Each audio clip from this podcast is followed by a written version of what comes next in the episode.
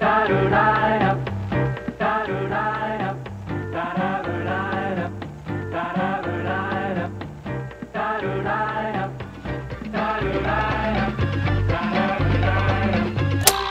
är det dags för ytterligare ett avsnitt av Reformera-podden där vi talar om allting kyrka, höll jag på att säga, men helkyrklighet och hur vi kan se ett eh, levande församlingsliv växa fram. Jag heter Magnus Persson och jag är värd för podden som vanligt.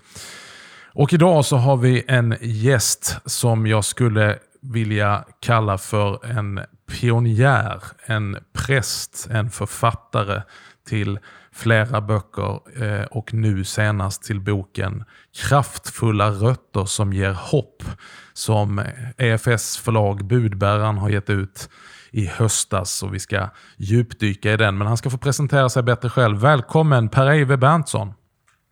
Tack så mycket. Kul att ha med dig Per-Eive. Ja, kul att få vara med här i denna, på denna celebra podd. ja, du är en celeber gäst så du passar ju väl in. Du Per-Eive, den korta versionen av vem du är för den som inte ännu känner till dig.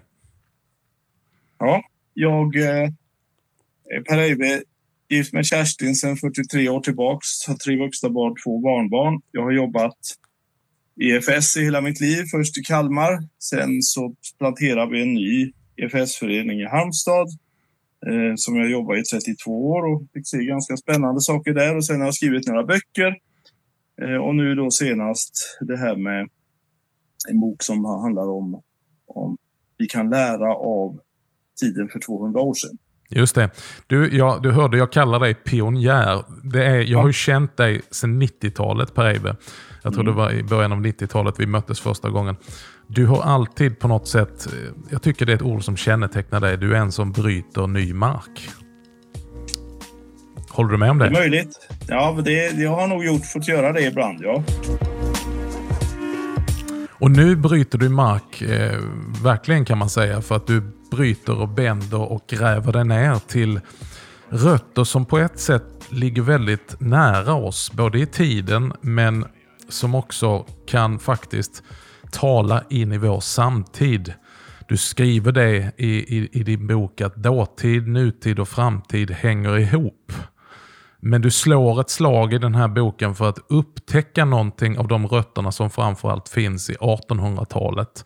Och det är en väckelse som gick fram då. Berätta, vad var tanken när du började samla ihop det här materialet? Du måste ju ha researchat och, och, och, och samlat en mängd material. Vad, vad, vad, hur föddes idén till den här boken? Men jag, har, jag är lite historienörd. Och jag har alltså under många år funderat just över den här likheten med, med tiden för 200 år sedan och vår tid. Mm. Och jag, det, alltså tiden för 200 år sedan, vi pratar om 10, 20, 30 år innan den stora folkväckelsen bröt igenom. Mm. Och, så jag har funderat en hel del på detta och sett en mängd likheter. Det finns ju olikheter, mm. eh, nämligen vad det gäller, eh, vad det gäller typ hur folk hade det, eh, materiellt sett och teknik. Men hur folk mådde på insidan och hur eh, den andliga situationen såg ut i landet, då är det väldigt mycket likheter. Skrämmande likheter faktiskt. Just det. Vad, vad, vad kan du dra fram som, som några korta, liksom, vad, vad, de, vad är de skrämmande likheterna? Ja, dels så, dels så var det så här då att eh, människor, den lilla människan hade ingen makt. Det fanns mycket av frustration, mycket av ångest eh, inför framtiden och inför sin situation. Eh, och man hittar vägar att fly då från den här oerhört tuffa situation som man levde under. Mm. Eh, och, och, det har vi ju idag också. Mm. Jag menar fast eh, inte på samma sätt. Vi lever bra, vi har det, eh, vi har det ganska bra ställt kan man lugnt säga. Eh, samtidigt så är det en väldig press på människan och så många människor mår så dåligt på insidan. Alltså. Mm. Kan man säga att det finns likheter i, i, i kyrkan i allmänhet? Hur, kyrkans tillstånd i början på 1800-talet och nu? Ja, ja, väldigt många likheter. Eh, på den tiden så, dels så fanns det en väldigt spretig det fanns ju bara Svenska kyrkan på den tiden och det var väldigt spretigt liksom för många olika impulser mm. fanns det på den tiden. Men inte minst var dåtida liberalteologin, den så kallade neologin. Mm. Den var så otroligt kraft, kraftfull. Den höll liksom hela kyrkan i sitt grepp. Eh, där man då talar om att Gud gör inga under idag. Eh, det finns ingen synd. Eh, Jesus, det, det, människan har ingen arvsynd etc. Just det. Och väldigt, väldigt liberal tolkning. Och jag läste, jag citerar bland annat en, en, historien, en historieskrivare då, som har skrivit en känd kyrkohistoria som skriver att det var ingen som kunde resa sig upp och säga emot den våldsamma eh, anstormning som, som liksom ne neologin stod för rent teologiskt. Utan det var en sån kraft som liksom präglade mer och mer av Svenska kyrkan. Mm. Det är intressant. Samtidigt fanns det en, stor, en sak till, samtidigt fanns det väldigt stor okunnighet bland folk. Mm. Läskunnigheten var ganska stor men bibelkunskapen var väldigt dålig och antal biblar var det väldigt ont om. Just det. Och, och, I detta då så gör du ett nedslag och vad jag tycker är intressant att det är på olika delar av vårt avlånga land. Du gör nedslag i några stycken personliga gestalter. Eh, dels uppe i norr men också i Småland, västkusten och nere i Skåne. Eh, som fick vara med och bryta det här dödläget och fick vara väckelsegestalter helt enkelt. Ja, det intressanta är ju att vid den här tiden, 10, 20, 30 år före, före den stora folkväckelsen, då, då, då, res, då, finns det ett antal väckelsepräster som liksom bar väckelsens DNA-kod mm. innan den kom. Mm. Eh, och det är det som jag fascinerats av. Eh, därför att de på något sätt var det inom sig och de var faktiskt inte så många. Nej. Man skulle tro att det är en allmän rörelse, men det var ett antal personer då som jag nämner ju då bland annat eh, Per Brandell, Lestadius, Sellergren och Wisselgren. Eh, och sen några till. Det var mm. ytterligare några till, men det var väldigt få som alltså fick betyda så mycket. Och gemensamt för de här det är att det är präster då, som är präster i Svenska kyrkan. Eh, ja. Men som grips av Gud på något sätt. Vill du lyfta fram no några exempel? Och, och, och, för jag tycker det är intressant. Ja, eh, vi kan ju börja med Per Brandell, en av den mest okände men en av de riktigt stora, kanske den största. Han, han eh, var uppvuxen i ett fromt hem. Alltså han hade föräldrar som bad för honom. Men han levde, släppte loss ordentligt i ungdomsåren och eh, eh, men på en dansbana, på en fest, så, så drabbas han av Gud och ställer sig upp och predikar. Eh, utanför Piteå, på en, på en logge utanför Piteå och började predika för sig själv och sina kompisar. Och det startade då en väckelse mm. som i sin tur spred sig både norrut och söderut och som liksom genom honom då fick fäste i norr, eh, ska vi säga Ångermanland och indirekt ledde den till att Lestadius liksom fick möta Gud eh, på allvar och fick starta väckelsen uppe i, i nordligaste Sverige. Och det ledde väl på sikt också till eh, det som sen blev resultatet med Rosenius och sedermera EFS? Ja, men det intressanta är att en av hans kompisar hette ju då eh, Anders Rosenius.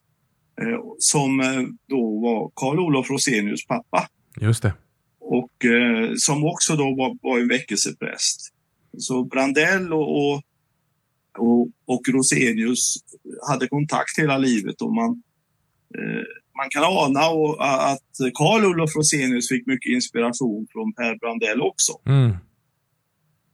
Ja, och det, det, det, det, har ju under många, många år varit en väckelsebygd sedan dess. Ja, precis. Ja. Om du skulle lyfta fram några av de andra då? Om vi, om vi talar om eh, till exempel... Ja, men du kan, du kan, vi kan prata om Peter Lorenz Ellergren som verkade han är mest känd för hans verksamhet i, i Hälleberga som ligger någonstans mellan Kalmar och Växjö. Mm. Men han var alltså stiftets bästa förkunnare, men en suput av Guds nåde. Så att han hade 11 prästtjänster på 17 år. Kom så småningom, eh, kom så småningom då till Hälleberga. Eh, men kunde ägna hela veckan åt att supa och så slutar han supa på lördag eftermiddag och så börjar han, så, så kunde han ha en bra predikan söndag förmiddag. Vid ett tillfälle så eh, var det några av hans superkompisar som han, han satt och snackade med så sa han att eh, skriv upp på en lapp en mening, vad, vilken som helst. Jag lovar att börja med den eh, predikan på söndag. han, han, han tog lappen och tittade på den när han gick upp i predikstolen. Innan dess hade han inte tittat på den. Och där stod 18 000 jävlar. Mm. Så han börjar med predikan med att säga att inte ens 18 000 jävlar kan eh, förneka Jesu uppståndelse. Och så hade han en bra predikan. Ja, Men han kom så småningom, efter en festkväll, så kom han så småningom in i ett djupt delirium och en upplevelse av att han var i helvetet. Mm. Och det kom en djup eh, ånger och han hade en process på flera månader eh, innan han liksom kom igenom och fick upptäcka nåden och blev sen under 30 år en väckelsepredikant, en väckelsepräst som fick påverka så otroligt många människor. Mm. Nej, det, det, det är otroligt gripande de här livsödena som du hjälper oss att se. Eh, inte minst Sellergren då som jag tror att du nämnde till och med att han nästan stod berusad i talarstolen vid något tillfälle. Bara för att tänka alltså, vilken plats Gud hämtade upp dem på. Eh, ja. Och vad Gud kan göra när han rör vid en människa. Ja, ja men det, det är mäktigt att, att, att, få läsa de här. Men det som går igen då på de här männen, de här väckelseprästerna, det, det är samma. Dels att de hade alla ett möte med en helig Gud. Mm. Eh, en, eh, de, de trodde på allt i Bibeln innan och så vidare, men de hade ett möte med helig Gud som gjorde att på något sätt de pressades fram till att förstå att det är bara, bara Jesus frälsare som kan rädda mig för de går evigt förlorad. Mm.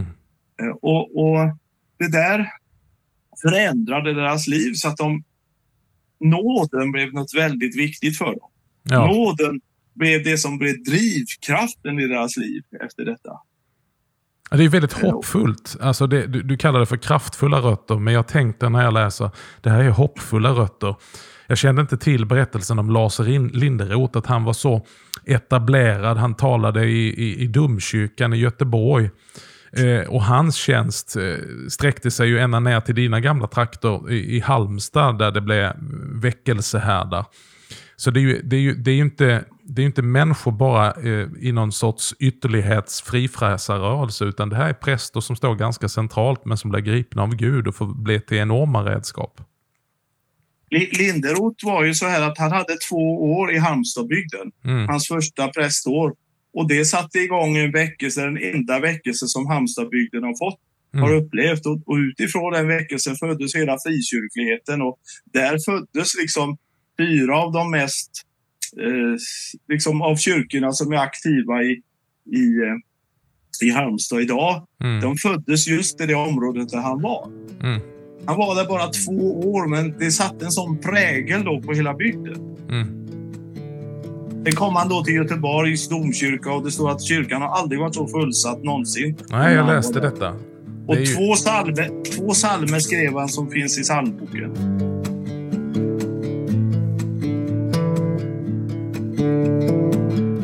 Men då kommer vi till nutiden och framtiden. Vad kan vi då lära oss? Det är ju det som är ditt ärende. Att vi behöver liksom koppla med de här kraftfulla rötterna. Vad är det vi kan ta med oss? Vad behöver vi lära oss från ja. detta som finns i våra rötter? På något sätt, jag, jag, säger så här att det här med att möta Gud, man kan beskriva den här liksom processen en människa gör som de här männen hade. De hade, de hade en snarlik erfarenhet och de hade en snarlik förkunnelse. Nämligen det som man brukar på teologiskt språk kalla för nådens ordning eller mm eller lagens tre bruk för mm. att generalisera lite grann. Mm. Eh, och, och, det handlar ju egentligen inte om en metod. Eh, utan det är egentligen en helig, en, en ohelig människa enda sätt att möta en helig Gud. Mm. Att, att förstå liksom på något sätt, vem är jag inför en helig Gud? Mm. Eh, och ju mer en människa inser den här, darrar inför liksom, hur stor Gud är och hur, hur ovärdig jag som människa är. Jag jämför inte mig med andra människor utan men jämfört med Gud. Mm. Då, då, då inser man att det är bara nåd det kan handla om. Det kan inte handla om något annat. Mm. Eh, och just den här kombinationen när människor har förstått Guds helighet och förstått sin egen ohelighet men förstått eh, att, att Gud är full av nåd. Ja.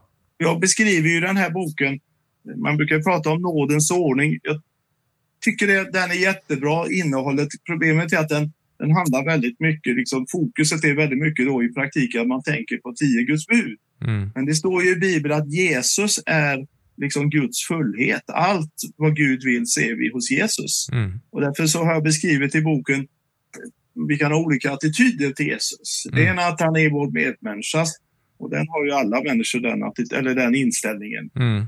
Andra inställningen är att, att Jesus är mitt föredöme. Mm. Den tredje inställningen är att han blir, när jag strävar efter att vara lik Jesus så inser jag att han blir min konkurrent. Mm. Jag kan aldrig bli så som Jesus. Alla jämförelser med Jesus innebär alltid att jag på något sätt kommer som nummer två. Mm. Och I det läget kan vi antingen dra oss undan Jesus eller så kan vi kasta oss i hans armar. Och då blir frälsaren Jesus intressant. Mm. Först då, när vi har förstått att, att, eh, att vi o, inte kan frälsa oss själva. Mm. Och efter det så börjar vi förstå att han också är vår Herre, den enda som kan leda oss rätt. Just det. Så har jag beskrivit den här eh, den så kallade nådens ordning på, på ett modernt sätt. Men här, här är någonting intressant som du också rör vid. För att, precis som du säger, gemensamt för dem det var att de var väldigt drabbade av nåden och förkunnade det vi skulle kunna kalla för lag och evangelium. Mm. Men nåden hos de här ledde inte bara till någon sorts frikort att ja men det är bara nåd. Utan det här leder till en djup omvändelse. Mm. Som leder också till en, till en ivrig gärning i, i Mm. efterföljelse av Kristus.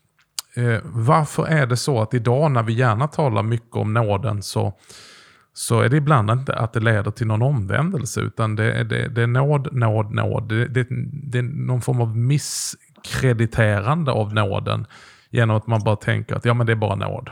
Och så förblir vi passiva. Men här har vi ett antal gestalter där nåden verkar fram en väldigt tydlig omvändelse och en ny inriktning. Vad, vad gör du för spaningar i vår samtid? Nej, men på något sätt så, så, så ser jag ju det här att eh, det är allt för mycket billig nåd. Mm. Nåden kan bara förstås i ljuset av eh, i ljuset av Guds helighet. Mm. Och vi har ju förlorat Guds helighet. I, muslimerna de har fattat att Gud är helig. Mm. Men vi har ju liksom gjort nåden till en sovkudde. Mm. Och det är väl ett av bekymren med lutherdomen att det, det, om man då fokuserar, det är ju nåd, men, men om man då fokuserar liksom bara på den biten och inte talar om lag och i vissa sammanhang är det livsfarligt att prata om lag, Mm. då, då reducerar man Gud på något Mm. sätt. Man reducerar ju hans och gör den store, mäktige, helige guden till, till någon slags tam eh, husgud istället. Ja, precis. Jag brukar säga att det är billig lag som skapar billig nåd. Ja. Någon annan har sagt så här, halv lag, halvt evangelium, hel farisé. Ja, just det. Bra. Så om vi, om vi tar in detta nu då i, i, i vårt sammanhang och vår samtid. Eh, vad, vad, vad önskar du att läsarna av den här boken, Kraftfulla rötter, eh, eh, Som ger som, som ger hopp. Vad, vad, vad, vad, vilket hopp är det du vill förmedla och vad önskar du att läsaren ska få med sig? Ja, dels så vill jag de ska se att det var inte bättre förr Nej. och det var inte sämre heller, utan på något sätt historien går igen och Gud har i alla tider sänt nya, för- nya förnyelsevågor. Han måste göra det. Jag brukar säga det att kristendom är världens enklaste religion. Den handlar om att ta emot Guds kärlek genom Jesus in i ditt liv så du kan älska dig själv och ge sedan den kärleken vidare till andra.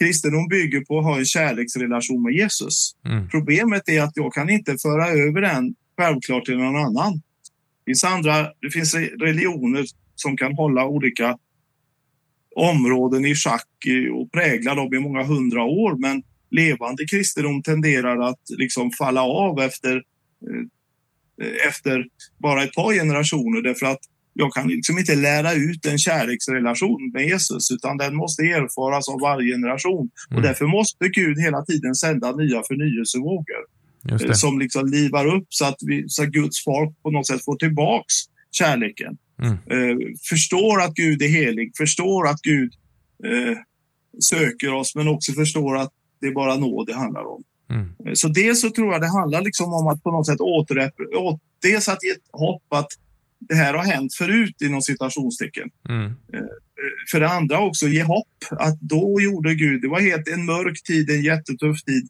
och då reste Gud upp eh, dessa människor.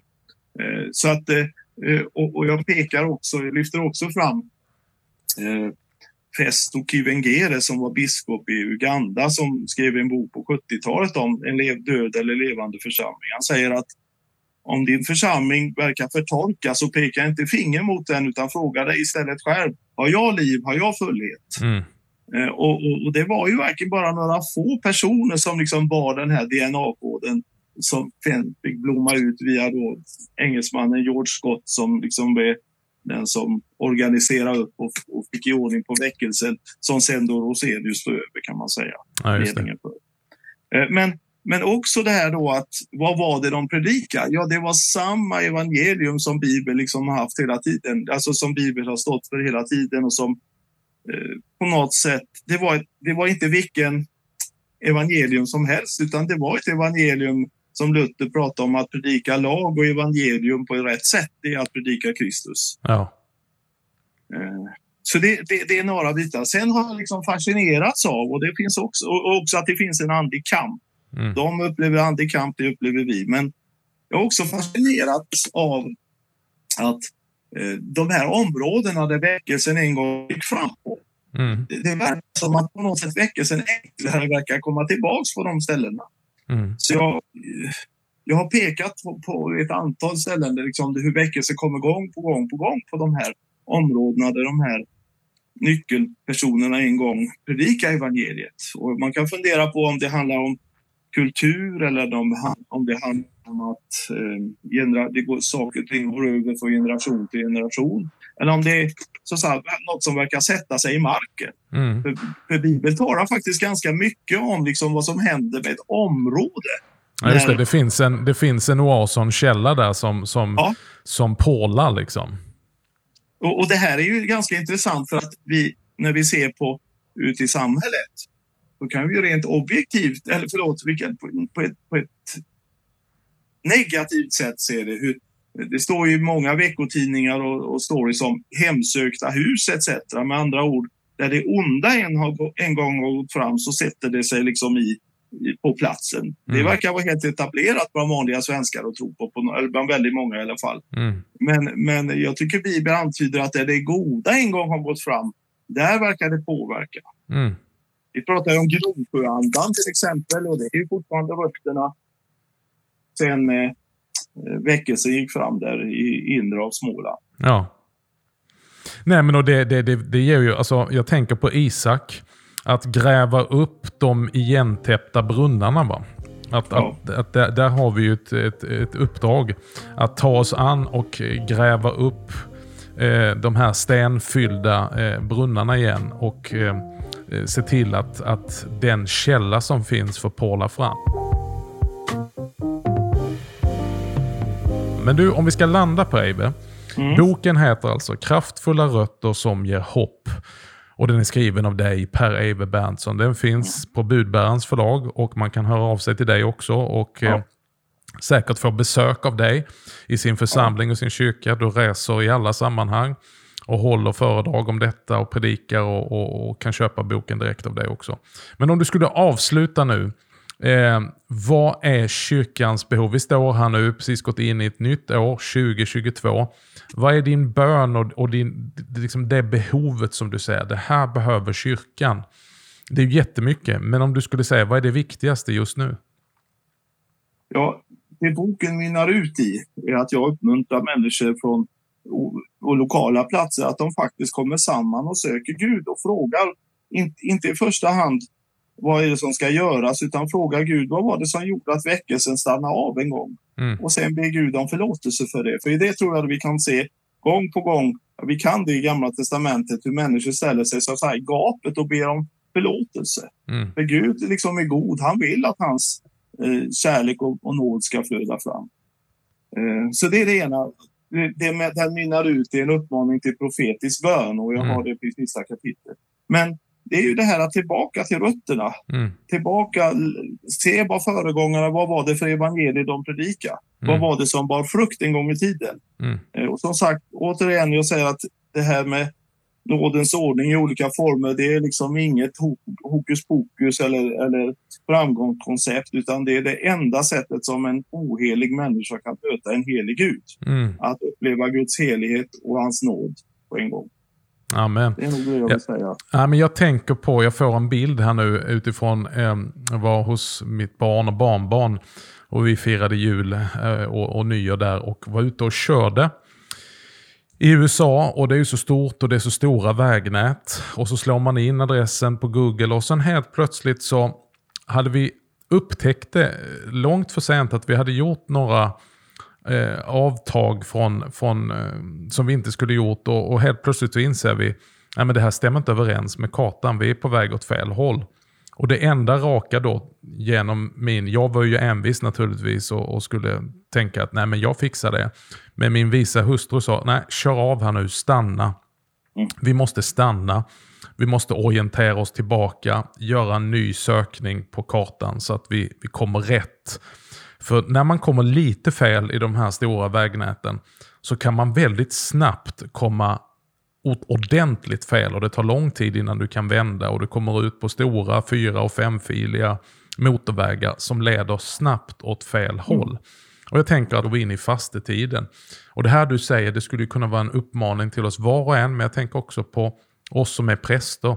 Att verkligen ta vara på fastetiden som en sån här rastplats där man kan köra åt sidan, stanna upp, ransaka sig, titta lite grann på kartan och säga vänta lite, var är jag någonstans i förhållande till vad Herren har kallat mig till, vilka löften jag har gett som präst. Att eh, förkunna evangeliet rent, förvalta sakramenten, var, leda församlingen i bön och i lovsång och tillbedjan i gudstjänsten. Att ha ett gudstillvänt sinne och, och, och att vara ett föredöme i Kristus efterföljelse. Att verkligen ta den där biktspegeln på allvar och som du säger då omvända sig, be om förlåtelse där man har faktiskt avvikit ifrån vägen man är kallad att vandra på. Till sist, om jag skulle vilja säga så, här, så vill jag säga så här att när väckelsen gick fram i mitten på 1800-talet så var inte frågan om vare sig man var präst eller biskop eller lekman eller skollärare eller EFSare eller baptist utan den stora frågan var är man omvänd eller inte? Just det. Och jag tror att omvändelse har allt för mycket handlat om yttre saker. Mm. Men omvändelse för mig, som jag ser det, och det här är kyrkans, tycker jag, den riktigt stora avgörande punkten. Omvändelse handlar om att jag på något sätt inser att jag kan icke göra någonting för Mm. att närma mig en helig Gud. Mm. Utan det är bara Jesus. Att lägga, det är lätt att tro så här att om jag, om jag tror, om jag ber och om jag gör det och det och så gör jag lite fel och så ber jag Gud om förlåtelse för Jesus och så förlåter Jesus på grund av sin försoning. Det så kan Gud förlåta. Förlåt. Och det är lätt att tänka så, men det är inte det som de här killarna upplevde, utan de upplevde att de var helt förlorade. Mm. De var fullständigt förlorade. Det var bara tron på Jesus som kunde rädda dem. Och bara, bara den förtröstan på, på att han har gjort allt. Det var det det handlar om. Och det tror jag Sveriges präster behöver, och pastorer behöver liksom återvända till. Att predika Jesus som det enda hoppet. Amen. Per Eve Berntsson, stort tack för att du varit med i Reformera-podden. Och boken Kraftfulla rötter som ger hopp finns tillgänglig på efs.shop.nu.